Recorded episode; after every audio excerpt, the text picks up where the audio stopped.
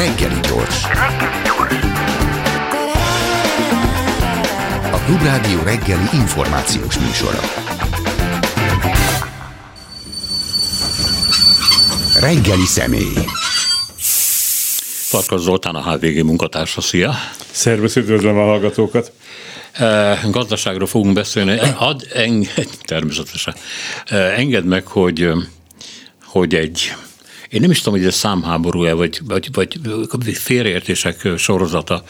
Ugye nagyon sok szakértő azt mondta, hogy amikor a kormány azt közölte, hogy gyakorlatilag a energiafogyasztók kétharmada vagy háromnegyede, nem emlékszem pontosan, a limitált tehát a határon belül van, és nem kell majd emelt energiárat fizetni, akkor nagyon sokan azt mondták, hogy hát ez egy súlyos tévedés, 50%-nál is többen vannak azok, akiknek majd többet kell fizetni.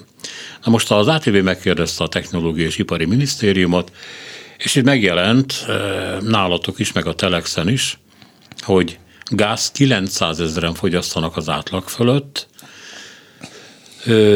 áramot pedig 1,4 millióan. Tudsz-e valamit ezekkel a számokkal kezdeni? Semmit a világon. Semmit a világon, hadd mondjam el a, a saját helyzetemet, Jó. és bocsánat, mert ez most félig meddig dicsekvésnek is foghatni. Ugye mi egy több generációs családi házban élünk, és ö, ö, van sok-sok napelem a háztetőnkön, most mérték föl legutóbb, hogy, hogy, hogy olvasták le a, a mérőórákat, várom az elszámolást, fogalmam sincs, hogy mi lesz a szaldó, ugyanis az a sajátos helyzet, hogy júniustól szeptember 1-ig tavaly többletünk volt. Ez a többlet összesen 15 ezer forint volt, én sokkal többre gondoltam, de ennyit fizettek ki. Azért kellett szeptember 1-én fölmérni, hogy mi a fogyasztásunk, mert átkerült a, a, az MVM-től, átkerült az elműtől az MVM Next-hez a, az elszámolás. Most szeptember 1-től júniusig enyhe mínuszban vagyunk, tehát most több áramot használtunk, mint amennyit termeltünk, és ez szerint kell majd fizetni. Azon kívül megkaptuk az éves H tarifa és B tarifa számlát, ez egy olyan 50 ezer forint volt, amit ki kellett fizetnünk, de a nagyot azt most várom, és abból már talán ki tudnám találni, hogy hogy állunk, hogy ha meg, megkapom a szeptembertől júniusig tartó időszak fogyasztását és betermelését, és ennek a szaldóját és az elszámolás módját, fogalmam sincs, hogy itt, itt mit várok. A gáz az még bonyolultabb, mert mi kizárólag alapfokú fűtésre használjuk a gázt, tehát 16 fokon főt szép csendben, ezen kívül minden mást helyi kisfogyasztású villamos cuccal egészítünk ki. Valaki úgy fogalmazott, hogy nagyjából úgy néz ki a lakás, mint egy hőtechnikai bemutatóterem, tehát mindenhol ilyen helyi fűtések vannak, és az éves gázfogyasztásom az nagyjából annyi, amennyi az átlag de ezt úgy kell érteni, hogy ez négy vagy öt hónapig megy 16 fokon. A többi hónapban pedig nulla. Tehát hat olyan hónap van, amikor a gázmérőm nem, nem változik meg. Ha nézem azt, hogy melyik hónapban mi az elszámolás, akkor akkor lehet, hogy abban az öt vagy hat hónapban, amikor megy a gázfűtés, akkor bődületes, bődületes nagy összegeket kell majd fizetnem, mert nem tudom, hogy hogy megy. Ugye volt egy ilyen arányosítás, hogy nyáron kevesebb uh-huh. tartozik bele, télen meg több, de elképzelni nem tudom, hogy mi vár rám, és tulajdonképpen bizonyos értelemben ez a fő kritikája ennek a pucsszerűen meghozott döntésnek, hogy, hogy sem felkészülési időt nem hagyott, sem áttekinthető rendszert nem hoztak létre. A felkészülési időt nem hagyottban, abban van még egy súlyos dolog. Ugye az teljesen nyilvánvaló volt minden kicsit is épesző ember számára, hogy ez, amit rezsicsökkentésnek hívtak, és amikor a multikra ráparancsoltak, hogy 20%-kal csökkentsék a számlát, hogy ez lehetetlen, ez lehetetlen hosszú ideig fenntartani. És azt is tudtuk, a, legalábbis a mikorosztályunk a szocializmus dicső gyakorlatából, hogyha kifut egy ilyen árrögzítéses periódus, akkor utána baromi nagy ugrás volt. Ugye amikor hirtelen 1980-ban fölemelték a hús árát, meg amikor a 360-as kenyér is hirtelen 420-ra ment, akkor ezek nagy emelések voltak a, a mi időnkben, tehát szinte az utolsó pillanatig igyekeztek tartani. Aztán kiderült, hogy az egész tarthatatlan. Most abban az időszakban, amikor nem volt egy rendes piaci árkövető mégiscsak a piaci hatásokat valamennyire kiegyenlítő fogyasztói ár, addig mindenki azt hitte, hogy ez majdnem ingyen van. Ugye mondok egy példát, ugye Magyarországon már nagyon régóta az emberek úgy érezték, még akkor is, amikor 4-5 százalék volt az infláció, hogy az infláció sokkal nagyobb. Mert hogy a rezsi árak, ami majdnem 20 százaléka a fogyasztásnak, az 2014 óta nulla volt. És valóban minden más jobban drágult annál a 3-4-5 százaléknál, mint amit érzékeltek. Élén az élelmiszerrel, de hát a hivatalos árindexet mégiscsak ez a nulla, a háztartási energiának, meg a víznek, meg a nem tudom én minek, a közlekedésnek és más változatlan áru terméknek és szolgáltatásnak az ára, az lefelé húzta. Úgyhogy, úgy, úgyhogy ez egyrészt túlfogyasztásra készítette az embereket, nem takarékoskodtak, nem szerezték be azokat az eszközökkel, amivel csökkenthették volna a fogyasztásukat. Ugyanez játszódott le egyébként hogy a, a benzinársapkával is. Hát miközben az egész világ spórol minden energiatermékkel. Magyarországon az üzemanyagfogyasztás 20%-kal nőtt az el, előző év azonos időszakához képest. Erre találtam azt mondani valakinek, hogyha ha, ha, ha, egy külföldi ezt elolvassa, akkor azt gondolja, hogy itt valakinek bohóc csipka van a fején. Szóval, hogy annyira, annyira nem tudja, hogy mi történik körülötte. És ez, ez tényleg így volt, ami ingyen van, abból túlfogyasztás van. Bocsánat, és innen aztán jön ez a brutális ugrás, ami kezelhetetlen. Tehát nem, a kettő együtt baj, az a nyomorúságos helyzet. Én értem, de itt ebben az esetben arra is gondoltam, hogy azért 50% meg 900 ezer között elég nagy a különbség, és ha csak 900 ezer ember fog nagyon-nagyon magas számlákat fizetni, az is sok. De én nem tudom, hogy De... fogalmam sincs, hogy mi van. Egy dolgot biztosan tudok, hogy hogy a jövő hétre a központi költségvetés 5,2%-os inflációval számol, úgyhogy semmi okunk aggodalomra. Igen, és 4,1%-os növekedéssel, ugye? A növekedés az egy az kicsit, is ne, az egy kicsit másnak. Kezdjük akkor az inflációval. Az 5,2%-os inflációt azt már senki nem vallja, a Magyar Nemzeti Bank sem. Ő is jócskán megemelte az inflációs prognózisát. Ráadásul a Magyar Nemzeti Bank azt írta, ez gyönyörű az inflációs jelentésében, hogy azt feltételezték, hogy a hatósági ára, tehát az árstopot megszüntetik fokozatosan, tehát az élelmiszer meg üzemanyag ez átmeneti idő után mégiscsak piaci áron kell majd, de a Magyar Nemzeti Bank inflációs jelentésében az van, hogy a rezsi árak nem fognak változni. Tehát a Magyar Nemzeti Bank úgy, ahogy van, a kormányzati propaganda áldozatául esett. Ami egyébként jellemzi a magyarországi viszonyokat, meg azt is, hogy milyen módon kommunikálnak egymással a hatóságok, meg milyen gyorsan döntenek bizonyos dolgokról. Nem, hát minden az utolsó pillanatig titokban van tartva. Egyébként ez teljesen olyan, már bocsánat, egy egészen más műfajú dologra utalok, mint hogy az orosz támadás előtti napokban különféle külügyi, orosz külügyi tisztviselők posztolták, hogy itt sétálunk a folyóson és röhögünk az amerikai hírszerzésen, amik azt mondja, hogy mi meg akarjuk támadni Ukrajnát. Ez egy bődületes baromság. Nem tudták, ők se. Hát csak annyit, hogy vannak ilyen minták szépen. Jó, egyébként a Orbánnak a tusnádfürdői beszédében volt egy számomra érdekes mondat. Egyébként rengeteg számomra érdekes mondat volt, de egy, Végre ami, valaki, aki élvezik. Igen, egy, egy, közgazdászként egy érdekes mondat, hogy 2000 milliárd forint lett volna az ára, hogyha a, a már ennyi közpénzt kellett volna arra fordítani, hogy a 2014-es árakat szinten tudják tartani. Ugye itt, itt is volt egy óriási csapda, hogy 2014-ben a tulajdonosokkal, tehát a külföldi, olasz, német és nem tudom, hogy milyen tulajdonosokkal vitették el a balhét, nekik kellett állniuk a rezsicsökkentés árát, és ezzel finanszírozniuk a Fidesz 2014-es választási győzelmét. Utána ezeket a cégeket jó részt megszerezte a magyar állam. Tavaly még kifizette a számlát, az kevesebb volt, mint 300 milliárd. A 2000 milliárdot nem tudja, nem akarja, nem tudom, hogy micsoda. Egyébként tényleg minden elemi közgazdasági szabály bejött.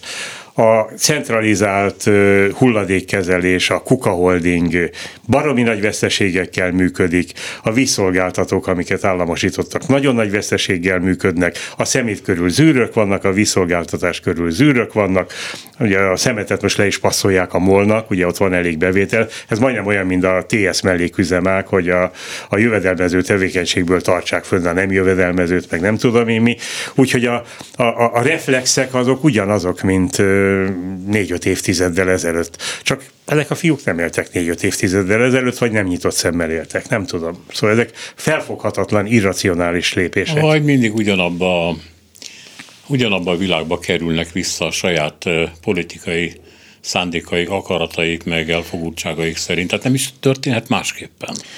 Nem tudom, hogy miért történhetne másképpen. Hát mert ha valaki egy centralizált, és akkor nagyon finoman fogalmazok, Magyarországot épít ki, hatalmi rendszert épít ki, ami már erősen eh, hajt a, despotizmus felé, akkor ugyanazok a problémák fognak jelentkezni, mint egy másik diktatúránál. Hát mi más lenne? Jó, hát ugye mondjuk annyi különbség van, hogy a, a múltunk az elég rendesen föl van tárva, tehát eh, valóban óriási, nagyon magas színvonalú közgazdasági irodalom szól arról, hogy hogyan működik a tervgazdaság. És ez már az lassan? Ez nem tervgazdaság, ez egy, ez egy szétvert piacgazdaság. Nem jött hirtelen eszembe jobb fogalom. Szétvert a szónak abban az értelmében, hogy nem a nem, nem a hatékonyságon, meg a jövedelmezőségen, vagy nem csak azon múlik az, hogy ö, mennyi a nyereség, nagyon erős állami dirigizmus van, közvetlen beavatkozás, lenyúlás, profitok lenyúlása, és így tovább, tényleg Nagymárton azt okkal magyarázza, hogy létezik a világon windfall adó, tehát ahol hirtelen behullik, vagy befújja szél egy csomó többlet jövedelmet, azt az állam elvonhatja. Csinálják ezt Angliától Belgiumig, és általában ugyanazok ugyanazon folyamatok elszenvedőit segítik belőle, tehát a, az olajcégektől elvett pénzektől a fogyasztókat támogatják, már azokat, akik rászorulnak, nem mindenkit. Tehát ez létezik, de hát azért egy, egy, egy sor olyan, olyan úgynevezett extra profitadót vezettek be, amiket ugye a törvény, meg a, vagy az ezzel foglalkozó rendelet az nem is extra profit adónak, hanem külön adónak nevez, aminek semmi köze a, a konjunktúrához, a windfallhoz és a nem tudom én mihez, hanem egyszerűen úgy látták, hogy onnan el lehet venni gond nélkül a, a jövedelmet. Ráadásul visszamenőleges hatállyal, tavalyi árbevétel alapján, ami hát ha nem csal meg a memóriám, akkor 2012 felé nem ment át az akkori alkotmánybíróságon, de az is lehet, hogy átment, nem emlékszem már pontosan. Te most arra gondolsz például, ami a repülőtársaságokkal történik? Az is, az is például ugye el lehet rendelni, van ilyen jellegű adó, csak nem lehet azt mondani, hogy ez is extra profit adó, mert a légiforgalom majd lassan el fogja érni a járvány előtti színvonalat. Ugye ez volt Nagymárton veretes indoklása. Na most ettől, ettől tényleg, ahogy Pesten mondják, ez dobtam egy hátast. Hát ilyen dobát én még nem hallottam vezető érdemi állami gazdaságpolitikustól. Hát nagyon különös ember, vagy nagyon különös a pozíciója, mert őt egyébként mindenki az egyik legtehetségesebb embernek tartotta a Magyar Nemzeti Banknak, ugye a főnöke pláne. Aztán valamiért veszélyesnek tartotta önmagára, vagy nem tudom, mi történt, és kidobta, és abban a pillanatban Orbán magához vette fő tanácsadónak, és még mindig mindenki azt mondta, hogy nagyon tehetséges, nagyon és a dologhoz. Majd amikor miniszter lett és megszólalt először, olyan dolgokat mondott, amiket mondjuk 1971-ben mondott volna egy ilyen kádárista miniszter, aki végképp nem ért Meg más milyen dolgokat is mondott, ez is nagyon érdekes, ugyanis ő összeveszett Matolcsi Györgyel. Alapvetően ő alakította ki azt a monetáris politikát, amelyik ilyen két pilléres, tehát egyrészt van egy alapkamat, másrészt a, az egyhetes betét gyakorlatilag irányadó kamata, ez az ő elgondolása volt. Ő találta ki azt a részletekig menő szabályozást, hogy bárhol, ahol valami piaci feszültség van, akkor arra azonnal reagálnia kell a jegybanknak, és azt enyhítenie kell ha nagyon durván akarok fogalmazni, nem akarnék, de mások mondják ezt, ő verte szét a monetáris politikát, miközben egy csomó ö, racionális elem volt benne, és indokolható volt, ha valaki éppen tudta, hogy mi van, és végigolvasta a Nemzeti Bank honlapján, hogy mi a monetáris politika új iránya, akkor azért meg tudta érteni. Ugye ő elment onnan, és ez tovább él ez a gyakorlat. Állítólag éppen azon veszett össze a főnökével Matolcsi Györgyel, hogy az egyik forintgyengülésnél egy ilyen burkolt kamatelmelést végrehajtottak, amit a kamat csökkentés nagy híve Matolcsi György nem azonnal vett észre, vagy észre sem vett, és aztán emiatt kerültek szóváltásba, ami után olyan gyorsan tette ki Nagy Mártont, hogy mire ő elszaladt Rogán Antalhoz panaszkodni, addigra már kim volt a Nemzeti Bank honlapján, hogy más fontos beosztásba ha. helyezték át. Na most a következő furcsaság az, hogy ennek az országnak van egy igazi pénzügyminisztere, úgy hívják, hogy Varga Mihály, és ezeket a különadókat nem az ő nevével kapcsolták össze, hanem ezeket a gazdaság stratégiai miniszter jelentette be, ő indokolta meg. Varga távol maradt ettől az egésztől, kicsit olyan, mintha azt mondták volna, hogy most gyorsan amortizáljuk Nagymártont, vagy megnézzük, hogy Nagymárton amortizálódik-e olyan gyorsan, hogy félre lehet tenni. Notabene félre van téve, mióta nem szólalt meg. Varga Mihály meg szépen óvatosan, ugye a nyugatiak kedvében járva megpendítette, hogy a árögzítéseket nem lehet az idők végezetéig fenntartani. Most ez a mikor melyik számmal beszélek, vagy mikor melyik szám képviseli a hivatalos álláspontot, azt meg találják ki a, bocsánat, nem kremlinológusok, hanem a budapestológusok. De bocsánat, még visszatérve Nagymártonra. Tartott egy előadást a, Na de várjál, most akkor a, a Fideszes. Ő egy igazán tehetséges Ezt akarom remény. mondani, igen, igen, nagyon tehetséges. Valóban nagyon tehetséges. Összes főnöke azt mondja, hogy kiemelkedő tehetségű. Egyébként én úgy ismertem meg, hogy nekem egy bizonyos Király Júlia mutatta be, mint a korosztálya a legnagyobb ha. tehetségét, akivel egyébként együtt írták a amerikai jelzálogpiaci válságról szóló első nagy tanulmányt a közgazdasági szemlében szerzőtársak voltak. Ez volt az első olyan cikk, amelyik megmagyarázta tudományos alapossággal, hogy mi történik Amerikában. Azért ezt nem szabad elfelejteni. És azt akartam mondani, hogy ezen a Fideszes csúcs egyetemen, a Matthias Corvinuson tartott egy előadást, amelyben nagyon gyenge rész az, amikor védi a extra profitadókat, és amikor a világgazdasági folyamatokról beszél, az nagyon érdekes és nagyon igényes, és meglehetősen nagy tudás van mögötte. Szóval ez a, ez a klasszikus tudathasadásos állapot, hogy van egy politika, amit képvisel, és emögött e van egy meglehetősen nagy közgazdasági tudás. Mondok egy másik példát. De várjál, hát ebből az következik, hogy a... Ebből minden a következik, és mindenben igazad van, ki nem mond. A, azt akarom mondani, hogy az első Orbán kormány idején egy nagyon helyes fiatalember, aki a Csikán Attila mellett dolgozott sportközgazdász volt, az elnyilatkozta azt, hogy ebben a akkor is éppen oroszországi pénzügyi válság volt, ilyen körülmények között nem szabad Bécs-Budapest labdarúgó világ kiállít, vagy Európa bajnokságot, akkor azt Európa bajnokság uh-huh. volt, Európa bajnokságot rendezni. Majd megkapta a feladatot, hogy szervezze meg a Bécs-Budapest Európa bajnokság megszervezését. És ekkor mondta a közös ismerősünk, barátunk, rádiós kollégánk Gálik Mihály, hogy rettenetesen sajnálja, hogy ennek a korosztálynak is meg kell tapasztalnia, hogy milyen az, amikor az ellenkezőjét csinálja annak, mint amit gondol. És a, a, szóval, ha valaki annyira Meg az képzel... igazi tudása és tehetség az megy a kukába, mert az nem kell. Én nem tudom, hogy mi megy a kukába. Én azt tudom, hogy ennyi gazdasági vezetője egy országnak, mint amennyi most van a Szijjártótól, a Nagybártonig, a Varga Mihálytól, a Parragig, meg nem tudom én micsoda, ennyi nem volt. Ennyi. És, és nem tudod eldönteni, hogy most mi, a, mi az érdemi policy. Hát, mert annyira szét is marták egymástól, de annyira szét is vannak osztva a különféle gazdasági területek, hogy nem tudod. Tehát például a, ugye a Lázárnál ott van a fele annak, ami egyébként a technológiai miniszter, minisztériumnál van, a fejlesztések egy része. A Lázár, Lázár költségvetése a benyújtáskor a legkisebb költségvetés volt, a, az igazán ilyen, ilyen nagyon száraz tárcákkal vetekedően szerény költségvetés volt, mint az igazságügyi tárcái. Alig volt abban pénz, nem emlékszem most, rosszabból mondok, bocsássad meg Lázár János, ha tévedek, de úgy emlékszem, 13 milliárd volt a, a benyújtott ö, költségvetés. Ezt megemelték a költségvetési vita során. Egyébként az maga a vicc, amilyen költségvetést elfogadtak, mert ö, ugye elfogadták a kata szűkítését, elfogadták ezt az egész gáz és áramemelést, amit ez a megveszekedett magyar sajtó rezsicsökkentés rezsicsökkentésének, meg mit tudom én milyen módon szépelegve és, és metaforikusan, és nem tudom én hogyan ír le, miközben ez egy brutális gáz és áramemelés. És nem, nem ezt mondják, nem ezt mondják. Magyar Bálint szokta mondani annak idején, hogy aki a nyelvet uralja, az, ur, az uralja, övé a hatalom. Hát itt amíg, amíg rezsicsökkentés, rezsicsökkentéséről hát beszélünk, ezt a addig a... mi is elkövettük, de soha többé. Igen, az a Fidesz, addig a Fidesz a hatalom. Igen. Jó.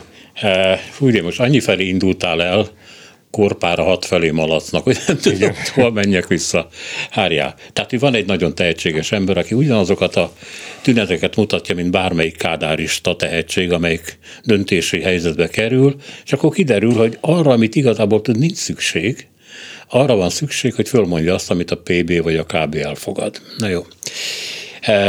Ezt hogy látod egyébként, amiről elkezdtünk beszélni, hogy kinél van a gazdaságpolitika? Hiszen a kormány... Miniszter. Igen, a kormány összetétel az épp azt mutatja, és sokan mondták is, hogy tulajdonképpen részint mindenkit beemelt, aki ö, kihívója lehetne bármilyen szempontból, másrészt pedig annyira szembeállította egymással őket, azzal, hogy mondjuk ugye az, ami eddig a belügyminiszteré volt, és a kedvence, a titkosszolgálatok azokat átadta a Rogának, tehát eleve egy hatalmas feszültséget teremtett, de ugyanaz van Lázár, meg mondjuk a, a technológiai minisztérium között, ahol egész ágazatok vannak kettévágva, az egyik ez a minisztérium, a másik azé. Én értem, de ebből De gazdaságpolitika hogy lesz? Hát ugye ezt, ezt kezdtem mondani, hogy elfogadtak egy olyan költségvetést, amiben nincs benne a kata szűkítése, nincs benne ez az egész gáz és áramemelés, számolnak 5,2%-os inflációval, 4,1%-os növekedéssel, 370 valány forintos euróárfolyammal, és így tovább, tehát semmi nem stimmel már belőle, semmi. De nem is kell stimmelnie. A dologban ez az érdekes, hogy már évek óta ott tartunk, hogy a költségvetésben semminek nem kell stimmelnie, hiszen hetente is tetszés szerint változtatják meg. Aztán decemberben összeül a kormány, megnézik, hogy nagyjából mekkora lesz a növekedés, és mennyi, a, mennyi bevétel várható, és van egy vállalásunk, hogy ekkora lehet a hiány, azokban az években, amikor meglehetősen nagy többletbevétel van, akkor az utolsó pillanatban, decemberben minden többletbevételt kisöpörnek. Volt olyan év, hogy 1800 milliárd forintot söpörtek ki gyakorlatilag egyetlen hónap alatt, tavaly pedig, amikor egy kicsit rosszabbul álltak, akkor meg 700 milliárdot zároltak. Tehát egyetlen egy dologra ügyel a költségvetés és a kormány és Orbán Viktor és Varga Mihály és mindenki, hogy decemberben nagyjából annyi legyen a hiány, amennyit vállaltak. Mert a hitelminősítőket nem lehet átverni. Hitelminősítőket egy ideig meg lehet téveszteni, annyira meg lehet téveszteni, hogy a Fitch például megerősítette Magyarország BBB besorolását. Most? Múlt pénteken. Aha. Múlt pénteken, ami azért érdekes, mert a választások után után olyanokat írt, hogy főkockázati tényező, hogy Magyarország meg tud-e állapodni az Európai Bizottsággal, felsorolt még más, ja igen, igen, egyre másra jöttek a nemzetközi sajtóból, meg a szervezetektől a magyar gazdaság sérülékenységét elemző adatok. A Nemzetközi Valuta Alap azt mondta, hogy olyan nagy az energiafüggőségünk, hogyha az orosz gázszállítások leállítanak, akkor 6%-kal csökken a hazai össztermék a Standard Poor's megnevezett öt országot, amelyiknek a valutája a legsérülékenyebb, Ukrajna, Brazília, Egyiptom, Gána, mellettük van Magyarország. Jöttek ezek egymás után, majd a Fitch azt mondja, hogy igen, igen, sok veszély leselkedik Magyarországra, reméljük azt, hogy meg fognak állapodni az Európai Bizottsággal, és megerősítette Magyarország besorolását. Ukrajnáét a CCC-ről levágta a C-re, ez a legalacsonyabb besorolás. Ukrajna egyébként de facto csődben van, tehát nem, nem hát nagyon ez az elég más. világos, hogy így a, a nyugat, úgy látszik, hogy ez az uniónak van kiadva feladatul, hogy így havonta döntenek ilyen 500 millió eurós adományokról vagy kölcsönökről, nyilván ebből működtetik az államaparátust, meg fizetik a tanárokat, rendőröket, orvosokat. Gondolom Nagy valószínűséggel így van, de az, az tény is való, hogy nagy, nagyjából kötött árfolyam van, ö, valamennyire gondolom hadigazdálkodás jellegű, és mondom, hogy ugyanakkor, amikor Magyarország besorolását megerősítették. Itt is tudnék egy nagyot röhögni, hogyha nem tudnám, hogy a mikrofon a nevetés, a mosolyból nevetést, a nevetésből röhögést csinált, szóval itt el tudna szabadulni belőlem a pokol, hogy Magyarországon háborús helyzet van, és annyira nincs háborús helyzet, hogy a Fitch megerősíti Magyarország hitelbesorolását, hát valakinek, valakinek csak igaza van, vagy senkinek, már bocsánat. Egyébként hogy látod ezt a dolgot tudni a brüsszeli pénzeknek a sorsát? Az ember... Sehogy. De hadd mondjam végig, hadd mondjam végig. Mert ugye egyrészt az van, hogy Orbán tett egy ilyen négy pontos ajánlatot, amiről rögtön lehetett tudni, tehát egy ilyen paraszt szakításnál is gyengébb, de hát mégis. E, és akkor elkezdtek a miniszterei járni Brüsszelbe, haverkodni, jó fiúk vagyunk, stb. stb. Majd, miközben megígérte, hogy társadalmi egyeztetés nélkül nem vernek át semmit ebben az országban, megtörtént a kata, megtörtént a rezsiáremelés és más, majd megtörténik az, hogy Szijjártó elmegy Moszkvába ami, hát, hogy mondjam csak. Bocsánat, és, a, és ehhez tartozik még, és ne haragudj, hogy megint a szabadba vágok, mint annyiszor, és mint a jövőben is. És hányszor a, még, igen. Az a helyzet, hogy ma reggel hallgattam a, a gazdasági rádióban, ugye, hogy hitelt, azt már régebben is mondták, hogy hitelt veszünk föl, és hitelből fogunk gázt vásárolni, de egy nagyon okos elemző megpendítette, hogy azért ez a hitelfelvétel ez nem lesz olyan könnyű, mert sok nyugati bank nem fog arra Magyarországnak hitelt nyújtani, biztosítani, hogy Oroszországból vásároljon gázt, úgyhogy könnyen előfordulhat, hogy orosz bankok fognak hitelt nyújtani Magyarországnak, hogy orosz gázt vásároljon, miközben hajtja a, az uniós pénzeket, és megy szembe az uniós szankciókkal. Hát itt van egy orosz bank, nem? Budapesten. Hát az nemzetközi bank, ugye nem, hát nem, már, nem tudom. Hát igen. már orosz-magyar bank, annyian kiléptek igen, belőle. Igen, igen, igen. Hát, Na jó, visszatérve. Igen. Tehát elmegy a magyar külügyminiszter Moszkvába, és ezzel ugye a nyugat-európai vezetők szolidaritását egymással kapcsolatban és szembe Putyinnal, hát szembe köpte, és tárgyal úgy földgázról, hogy közben a, a Unió el, megpróbált előkészíteni egy azóta már szerintem bukásra ítélt programot ezzel a 15%-os csökkentéssel. Szóval mindenben azt csinálják, ami fölhúzza, vagy szembeköpi Brüsszelt, miközben szeretnék ezt a pénzt megkapni, mert azt olvasom mindenhol, hogy enélkül a pénz nélkül Orbán rendszerre a sárga hasát fogja mutatni a napfénynek. Hát ugye, hogy mi a jelentősége ennek a, a pénznek, ezt nagyjából azzal tudnám jellenezni, és, és ezt most nagyon-nagyon kerek számokat mondok, hogy az idei és a jövő évi költségvetésben uniós programokra 3000 milliárd forintnál több van betervezve, és mindegyik mellett 2000 milliárd körüli uniós bevétel van. Ha ez a pénz ez nem érkezik be, akkor ezt a költségvetés fizette ki, akkor olyan mértékű hiány lesz, ami már-már a finanszírozás határait súrolja. Én nem vagyok soha ilyen, vagy legalábbis remélem, hogy pályám során nem voltam soha olyan vészmodár, hogy csődöket vizionáltam, és nem tudom én mi, csak az nem mindegy, hogy egy, egy országban az államháztartás hiánya az ígért 3,5 százalék helyett 6,5 lesz mondjuk. Tehát Hát ezek a pénzek be vannak tervezve, és ezeket a pénzeket azért úgy fokozatosan költi is a kormány. Ami azt mutatja, hogy úgy gondolja, hogy ez a, ez a pénz bejön.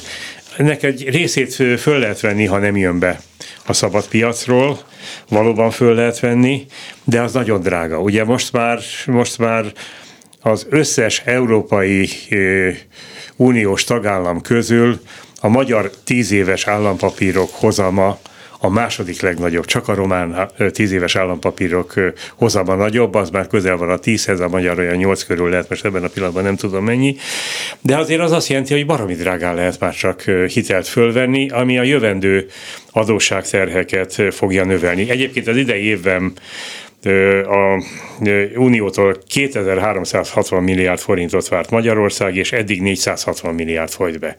Ami azért nem olyan nagyon biztató. Jó, sok minden hátra van még az évből, meg sokfajta megállapodási lehetőség is, csak ha te azt mondod, hogy szembe megy a szankciókkal, akkor én meg azt mondom, hogy amikor az uniós pénzre számítunk, akkor miért fogad el a Magyar Országgyűlés egy olyan országgyűlési határozatot, ami nagyjából arról szól, jó tudom, hogy az nem egy nagyon szigorú dolog, de hogy szó sem lehet arról, hogy továbbfejlődjön az integráció, törölni kell az egyre szorosabb együttműködés. Az egyre szorosabb együttműködés, ugye az a két-három évvel ezelőtti nagy viták voltak, hogy merre ö, mélyítsék el az, az együttműködést, hogyan lehet a demokratikus alapokat megszilárdítani, kiterjeszteni az együttműködést a, a közös költségvetés irányába, esetleg közös pénzügyminiszter, és így tovább.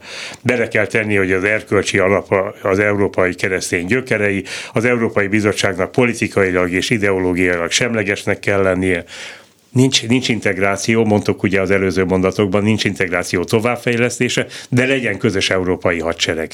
Na most akkor az jó lesz, amikor szuverén államokból jön létre a közös európai hadsereg, kerüljön bele az európai politikába a családtámogatások rendszere.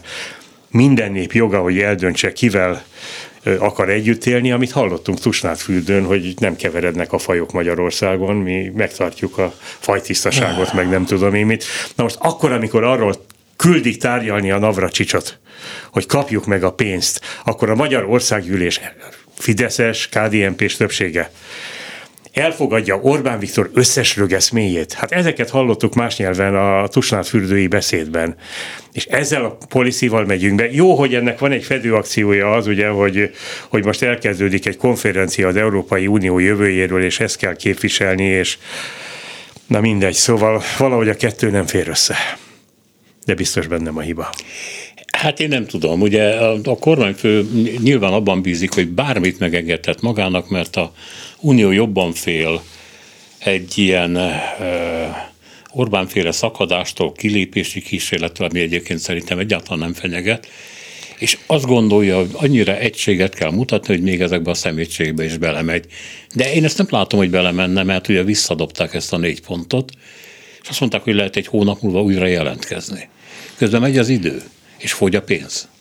Ez pontosan így van, de egyébként egyébként ezek a...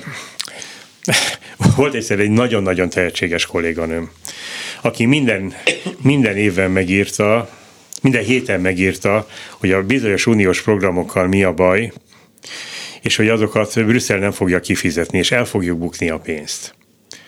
És ezek némelyikét valóban elbuktuk, némelyikét nem vagy kevésbé, csak azt nem vette a tényleg komolyan mondom ilyen, ilyen hihetetlenül agilis, mindent pontosan ismerő, összes ilyen közbeszerzés és egyéb históriát jól ismerő kolléganő, hogy közben Magyarország a keret 130%, 113 százalékáig a keret 113%-át töltötte ki, 13%-ot elbuktunk, az összes ország közül Magyarország vette igénybe az előző 7 éves ciklusban a legtöbb uniós támogatást. Szerintem ebből tapasztalatot is lehetett meríteni, meg módszert is, hogy ezt a szamaszt el lehet bukni, de a végén így is úgy is megkapjuk. A másik pedig, hogy amire nem ritkán, gond, vagy ritkán gondolunk, hogy az uniós pénzek kell kapcsolatban az uniós hatóságok úgy vélekednek, hogy nekik alapvetően az az érdekük, hogy ezeket a pénzeket kifizessék. Csak legalább addig kellene eljutni, hogy ezt nyugodt lelkiismerettel tudják megtenni. Igazi ellenállást az Európai Parlament mutat, ugye ott, ott valóban gyűlnek a, és fornak az indulatok a magyar kormányjal szemben. De hát az Európai Bizottság csupán a szerződések betartatásának az őre, ha úgy látják, hogy a Magyarországgal kötött megállapodás eleget tesz a szerződéseknek, akkor a pénzt át fogják utalni. Nem tudom, hogy ez fog-e történni, de az én elmúlt egy évtizedes tapasztalatom azt mutatja, hogy ezeknek a pénzeknek a nagy többségét, hogyha a minimál feltételek teljesítve vannak, akkor kiszokták fizetni. Nem a visszatartása a lényeg, Magyarország, ja, és az Európai Parlament, mint, még ellen, mint ellenálló központ, az pedig a magyar kormány szemében már úgy él, ugye ez van benne ebben a bizonyos országgyűlési határozatban, hogy meg kell szüntetni az Európai Parlamentet, létre kell hozni egy olyan Európai Parlamentet, amit a nemzeti parlamentek delegálnak, és ezeknek a nemzeti parlamentek által delegált képviselőknek vétójoguk legyen az európai ügyekben, amire mindenki, aki, aki egy picit is jártas a nemzetközi politikában, nagyjából a hasát fogva kell, hogy röhögjön. Hát arról nem beszél, hogy már az alaplogika sem stimmel, mert ugye a európai parlamentet épp úgy választják, mint a nemzeti parlamenteket, tehát nem arról van szó, hogy nincs, hogy mondjam, csak népakarat egyik vagy másik közül mögött. Sőt, sőt, ez a vita, hogy hogyan lehet kiterjeszteni azt, hogy Igen. pártszövetségek induljanak, és ne nemzeti, nemzeti pártok, és így tovább. De, de, de volt egy nagyon ígéretes Na. része a Tusnád fürdői beszédnek. Ugye Varga Mihály nem olyan régen megpendítette azt, hogyha Magyarország az Európai Unióban befizető lesz, már pedig olyan szélsebesen előztünk a kanyarban, meg törünk előre, hogy 2030-ra mi már befizető ország leszünk, és Varga Mihály ebben a nyilatkozatában azt mondta, hogy és akkor felül kell vizsgálni az uniós szerepünket. Ezzel szemben Orbán Viktor Tusnádfürdőn azt mondta, hogy 2030-ban egyrészt szét fog esni az Európai Unió, másrészt mi már befizető államok leszünk, és amikor befizető államok leszünk, akkor mi fogjuk meghatározni, hogy hogyan muzsikáljanak, és meg fog erősödni a szavunk, meg a tekintélyünk. Úgyhogy 2030-ra egy szétesett Európai Unió irányítását Magyarország át fogja venni. Hát ez egész csak arról szól, hogy ugye nem tud semmi biztatót mondani a híveinek. Hát de Ezért nem. a... Nem, nem, abszolút nem. nincs igazad. Sanyi, nem, abszolút nem, nincs. nem, hallgass már meg egyszer végig, hanem ő a boldogságot meg a paradicsomot áttolja most 2030-ra, és azt mondja, hogy gyerekek, 8 évet négykézláb is kibírunk, és aztán jó lesz. Minden többi, amiről beszélt, az a nyomorúság. Nem, nem, nem. Abszolút nincs igazad, már bocsánat, hogy ilyen, ilyen merészen fogalmazok egy rádiós stúdióban. Mit mond? Legyen béke a békében jól fogunk élni. Hagyjuk a szankciókat, mert azok elveszik tőlünk a nyersanyagokat, meg nem tudom én micsodát. A, kereskedjünk mindenkivel, a világ összes országának keressük a kegyeit, mindenkivel legyünk jóba, ne engedjünk be idegeneket, invazív fajokat, már bocsánat a biológiából vett kifejezéssel, és igenis a világ tartozik velünk, és meg kell fizetetnünk a világgal, amivel tartozik De ez egy nekünk. bullshit, hát ezt mindenki tudja, hogy nem ez bullshit. egy bullshit. De, hogy nem. Ez három millió szavazat. Három millió szavazatra értem, nem de közben hogy meg mellé elmondja, hogy gyerekek, egyébként jön a világválság, regresszió lesz, aki meg tudja őrizni a munkahelyét, azt tegye meg, én nem tudok segíteni benne, és hát ez tovább fog tartani, mert sajnos, sajnos a nyugat tökéletesen elszúrta, nála van a technológia meg a tőke, de az erő az oroszoknál van, ennek a háborúnak nem lesz vége, kiegyezés nem lesz, amerikaiakat gyűlöljük, de jöjjenek az amerikaiak, hogy kiegyezzenek az oroszokkal. Ez részint bullshit, részint pedig pont az ellentéte annak a, azoknak a közhelyeknek, amiket nézted, mond, nézted egyenesben? Tessék? Nézted egyenesben? De hogy nézem egyenesben, nem. Ugyanis nekem az volt a benyomásom, hogy ö, ö, bármilyen fájdalmas, ezt nem lehet, nem lehet megverni, nem lehet egyetlen mondatával nem értek egyet, és egyetlen egy mondat, minden egyes mondathoz egy könnyű lábjegyzet szükségeltetik. Nincs vele szemben működőképes érv. Ez egy koherens rendszer, amit így van. elővezetett. Nincs a te fejedben nem. Én most arról beszélek, arról a három millió emberről, akiről, akinek egy részéről Meller Tamás azt mondta, hogy még sok évvel ezelőtt, azt mondta, hogy akkor is rá fognak szavazni, hogyha közéjük lövet. Nem látod a standing ovation-t, a, tap, a nagy tapsolást a, a, a, Szóli, a szerinted ebből végén. a nagy világmagyarázatból mennyit értettek meg? Nem is érdekelte ez, a, ez azon a nyelven ment, ez pontosan azon a nyelven ment, amitől neked kinyílik a bicska a zsebedben, mások meg ájultan nézik. A fajozás, azt értették, de az, hogy mi van a, a regresszióval, és hogy mi következik a technológia és a tőke túlsúlyából, illetve nem, hogy csak nem, össze... ez azon a nyelven volt elmondva, hogy régebben uraltuk a nyersanyagokat, meg a, a, az olajat, meg az energiát, meg mindent, most meg már nem uraljuk, nem a miénk. Elveszítettük a hatalmikat. Ami nekem azt jelenti, hogy ami nekem azt jelenti, volt. hogy igen, hogy, hogy amikor a, a Európa gyarmatosító volt, akkor mindene meg volt. Most, hogy, meg, most, hogy a világ azért mégis valamennyire demokratizálódik, és a nemzetállamok függetlenek lettek, akkor ezeknek a nemzetállamoknak van hát, független törekvésük. és a, a koherenciáról, hát igen. De mindegy, azért mondom, hogy mindegy, mert te magad is mondtad, és így van, ezek az emberek mindent megszavaznának. Tök mindegy, De ezért szavazzák meg, mert ezen a nyelv van, és ez van elmondva. Az van elmondva. Én akkor jöttem rá, hogy óriási pofont fog kapni az Egyesült Ellenzék a választásokon, amikor a legkülönbözőbb okok miatt minden nap négy órát ültem az autóban. És minden kereskedelmi rádión az első mondat az volt, hogy a kormány békét akar, az ellenzék meg háborúba Igen. vinni a magyar nemzetet. Minden kereskedelmi rádió, minden híradása heteken keresztül minden, az volt belőle igaz, amit a választók levettek belőle, és ahogy döntöttek. Hát de Zoli, most annyit mondtál csak, beszéd ide vagy oda, a propaganda, hogyha elég sokat és naponta minden ponton nyomja, akkor az át fog menni. Megyesi Péter a segg, hogyha emlékszel a Vegyesi Gusztáv a seg, bocsánat, Vegyesi Gusztáv. Jézus, Ugye, ami, ez, ami egy hatalmas, óriási írás volt a, a legkeményebb rendszerkritika 1990 előttről, amikor az volt, hogy a magyar televízióban kitesztek egy, akkor máshogyan fogalmazom, egy popsit a Guszti azért keményebben fogalmazott, úgy, ahogy az előbb én. Az ember egy ideig felháborodik, döbbenten nézi, hogy az micsoda, aztán elkezdi nézni, hogy nem is olyan csúnya ez, aztán azt mondják, hogy milyen szép a vonalai, és nem tudom mi micsoda, és a végén elkezdi hiányolni. Szóval ennél precízebben az én életemben senki nem jellemezte, hogyha monopolisztikus hatalom és monopolisztikus sajtó van, akkor annak milyen eredményei hát vannak. Már pedig Magyarországon monopolisztikus hatalom van, Igen. és majdnem monopolisztikus sajtó van. Igen, és mindenhol ugyanaz, és már ilyen fehér az emberek agya, mert abszolút le van sikálva róla minden, ami barázda volt valamikor. Szóval tök mindegy. Teljesen mindegy. Én ezt úgy veszem egyébként, mint hogy hogy mondjam, egy ilyen úrfelmutatás, mert ugye valaki azt mondta, hogy ez, ez a tusványos, ez egy vallási szertartás, megjelenik a messiás, beszél, vagy értik, vagy se, az a lényeg, hogy ott van, megmutatja magát, azt mondja, hogy én is emberből vagyok, mint te, és én se tudom kimondani azt, hogy gender, vagy gender, vagy brender, és akkor mindenki boldogan mosolyog, mert ők se tudják kimondani.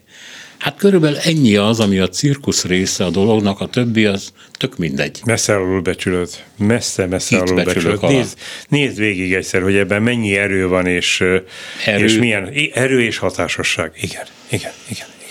Hát sajnos az a, az a helyzet, hogy mivel nem rám van szabva, én ezt nem, nem érzem, és soha nem is éreztem, hogy az Orbán az egy nagy szónok. Szerintem az Orbán egy pocsék szónok volt mindig is. De mások azt mondják, hogy olyan karizmája van, amikor megszólal, úgy árad belőle a nem tudom micsoda, amit csak azt tudom mondani, hogy biztos, de én ezt nem látom. De nem, nem neked szól. Ugye ez, nekem ez nagyon sokáig tartott, nyilván kicsit lassú felfogású vagyok, amíg megértettem, hogy ennek a politikai vezetésnek ennek egyetlen egy mondata nem szól hozzám. Tehát nem létezőként vagyok tekintve, Igen. nem volt olyan mondat, ami azt az, az elég hamar megértettem, hogy nem akar meggyőzni, hogy nem akar belőlem szavazót csinálni. De az, hogy nem létezőnek tekint, azt fájdalom, de elég sokára vettem észre. Elég sokára vettem észre.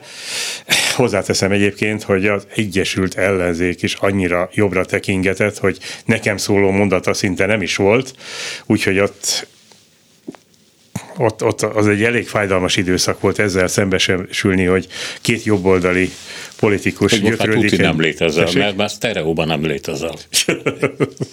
Lehet. E, jó. Még beszéljünk arról, hogy hogy én azt mondom, azt gondolom, hogy ezek, ezek szintén illúziók, de ugye minden második elemzésben, ami a független sajtóban megjelenik, benne van az, hogy majd télen eljön az igazság órája, amikor az emberek meglátják a fűtésszámlát, vagy egyáltalán az energiaszámlákat, és hát Orbán előre retteg ettől a pillanattól. Én nem gondolom, hogy ez így lenne, hogy rettegnie kéne, és azért kérdeztem, azért nyitottam ezt a beszélgetést azzal, hogy hányan lehetnek igazából, akik majd nagyon-nagyon sokat fognak fizetni, és nagyon nem is fogják tudni kifizetni, és nagyon ki is akadnak természetesen, mert én már azért olvastam olyan bejegyzéseket a kormánypárti szavazóktól, hogy igen, tudjuk, nem tudjuk, mi lesz, borzalmas lesz, de az Orbán azt mondta, hogy ki kell bírnunk, akkor kibírjuk. Szóval te mit gondolsz erről? Semmit, semmit. Egyszerűen nem tudom, mit gondoljak erről. Ugye az én reflexeim máshogyan működnek ebből a szempontból, mert én azt láttam, hogy amikor tömegeket érintett volna valamilyen hátrányos hatás, uh-huh akkor minden alkalommal kisegítette a kormány. Legyen itt a hitelmoratórium, a devizahitelesek, legalábbis egy része. Például a saját klientúrájukat nagyon szépen kisegítette, mert kedvezményes árfolyamon átválthatták a devizahiteleiket forintra jóval a piacinál kedvező árfolyamon. Itt is nagyon gyorsan megemelték ugye a miniszterek, meg az államtitkárok, meg a miniszterelnök fizetését, tehát fogja futni a rezsiköltségre, de egyébként másodt is, amikor tömegesen arról volt szó, hogy bajba kerülhetnek emberek, akkor jöttek a a, a mentő megoldások, kilakoltatási moratóriumtól a nem tudom én még. Tehát azt hiszem, hogy ha az első olvasata az igaz ezeknek a gáz és áram áremelési ügyeknek, akkor, akkor nagyon sok ember bajba kerülhetne, de mert ez a rendszer ez nem viseli, hogy nagyon sok ember bajba kerüljön, ezért valamilyen módon kamuflálni fog. És nem csak szövegben. Nem csak szövegben. Tehát, hogy, hogy, hogy itt még, itt még minden alkalommal mindenkit kimentettek. Ugye? De nem lesz miből, ezt mondják. Hát miért lenne? Hát tele van a világ pénzzel egyelőre. Csak nagyon, nagyon, nagyon drága. Nagyon sokat kell fizetni érte. De egyébként most érdekes, hogy nagyjából a járványjal visszaállt a magyar gazdasága tíz évvel korábbi, tehát a 2010-es szintre, ugye a hatalmas eladósodással, a gyenge forinttal, az ikerdeficittel, tehát a költségvetés és a fizetési mérleg együttes hiányával, meg mindennel, tehát valamilyen módon el kellett volna kezdeni egy újabb kibontakozási periódust, meg mindent. Na ebbe jött bele ez a mostani helyzet, és valóban érdekel, hogy, hogy mit lehet csinálni. Az az egy nagy különbség, hogy momentán még van pénz valóban a világban, egyre drágában adják, az euróvezetben van olyan ország, amelyiknek 4,1%-kal van, amelyiknek már majdnem 3%-kal, az euróvezeten kívül meg 8-9%-át. Hát kicsit sokba kerül. Miközben ugye ez a másik közelít a válság. Ezt most már egyre gyakrabban mondják, sőt, Egyesült Államokkal kapcsolatban már, hogy a recesszió első szakaszában van. Tehát a recesszió, amint ez Bot Péter Ákos elmagyarázta az egyik klubrádiós adásban, az még nem maga a válság, az csak azt jelenti, hogy megtorpanás van, meg egy kis visszaesés, de ez így önmagában tartható. A krízis, az igazi válság majd ezután jön, ha jön. És hát ez ugye állítólag mindent elsőpről lesz. Talán nagyobb, mint a 2008-as. Fogalmam sincs. Nem azt mondtam, hogy mondd meg, hogy te mit tudsz erről, mert honnan tudnál, hanem hogy a te, amit te olvasol, amit én olvasok, hiszel? abból nem tudok semmit leszűrni. Ugye itt egyrészt, egyrészt a Ugye Magyarország elindult az első negyedévben egy brutálisan nagy növekedéssel, hogyha a harmadik, negyedik, negyedévben is teljesen leáll a gazdaság, akkor is erre az évre kijön egy ilyen 4% körüli növekedés.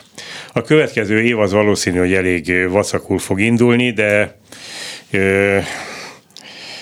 minden, minden érdemi kutatóintézet még a következő évre is 3-4 százalékos magyar növekedést lát és ír. Nincs más, nincs más prognózis. A három a legkisebb. A három a legkisebb. Ebben a következő tényezők nincsenek benne. Nem fog leállni ugye a, a gázszállítás, ez mondjuk kiinduló feltétel minden esetben, mert a leáll, akkor le kell kapcsolni a gyárakat, akkor a, a, a, nem fognak vásárolni Magyarországról alkatrészeket, nem tudom én, mint az emberek nem fognak személygépkocsit vásárolni, visszaesik a stb. stb. Tehát az egy, az egy nagyon fájdalmas dolog. Nem szakadnak meg a totálisan a pénzügyi kapcsolatok, és nem lesz olyan brutális élelmiszerválság sem, amelyik kezelhetetlenné válik. Na most, hogyha én azt nézem, és bocsánat, hogy az én azt nézem, hát mit látok én? Tehát, hogyha abból próbálok valamilyen következtetést levonni, hogy a legnagyobb szankciók és tilalmak és fenyegetőzés közepette az északi áramlatot meg fogják nyílni, és odaadják a technológiát, hogy ne fél gőzzel menjen, hanem teljes egészében szállítson. Hogy akárhogy lövik szét egymást az ukránok meg az oroszok, azért csak komolyan tárgyalnak arról, hogy a világ jusson gabonához, és nem tudom én mihez. Hogyha ezt tekintem, metaforikusnak ezeket a dolgokat, akkor itt nem lesz nagy recesszió. Hogyha elhiszem azt, hogy tényleg egyszer csak minden gázszállítás le, leáll Európában, akkor meg azt kell mondanom, hogy nekünk otthon minden ö, lakásban, a hőtechnikai bemutató lakásunkban ott van a kandalló, kénytelenek leszünk majd befogadni Lányfalun a Rigó utca más lakóit, akik gázzal fűtenek. Fogalmam sincs, bocsánat, azért bagatelizálom ennyire a dolgot. Egyel, egyszerűen nem működnek az érzékszerveim, mert napról napra más impulzusokat kapok, érzek és látok.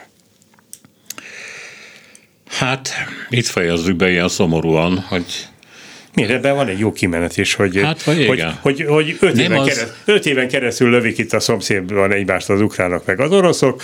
Mi mégse lépünk be a, a Nagy Oroszországba ö, tagköztársaságként, hanem egyik kezünk azért Brüsszelben lesz, a másik pedig Moszkvában. Kettő között nem vezetnek áramot, tehát nem, fognak, nem fogunk ott maradni a két vezetékre villámozva, fölfüggesztve.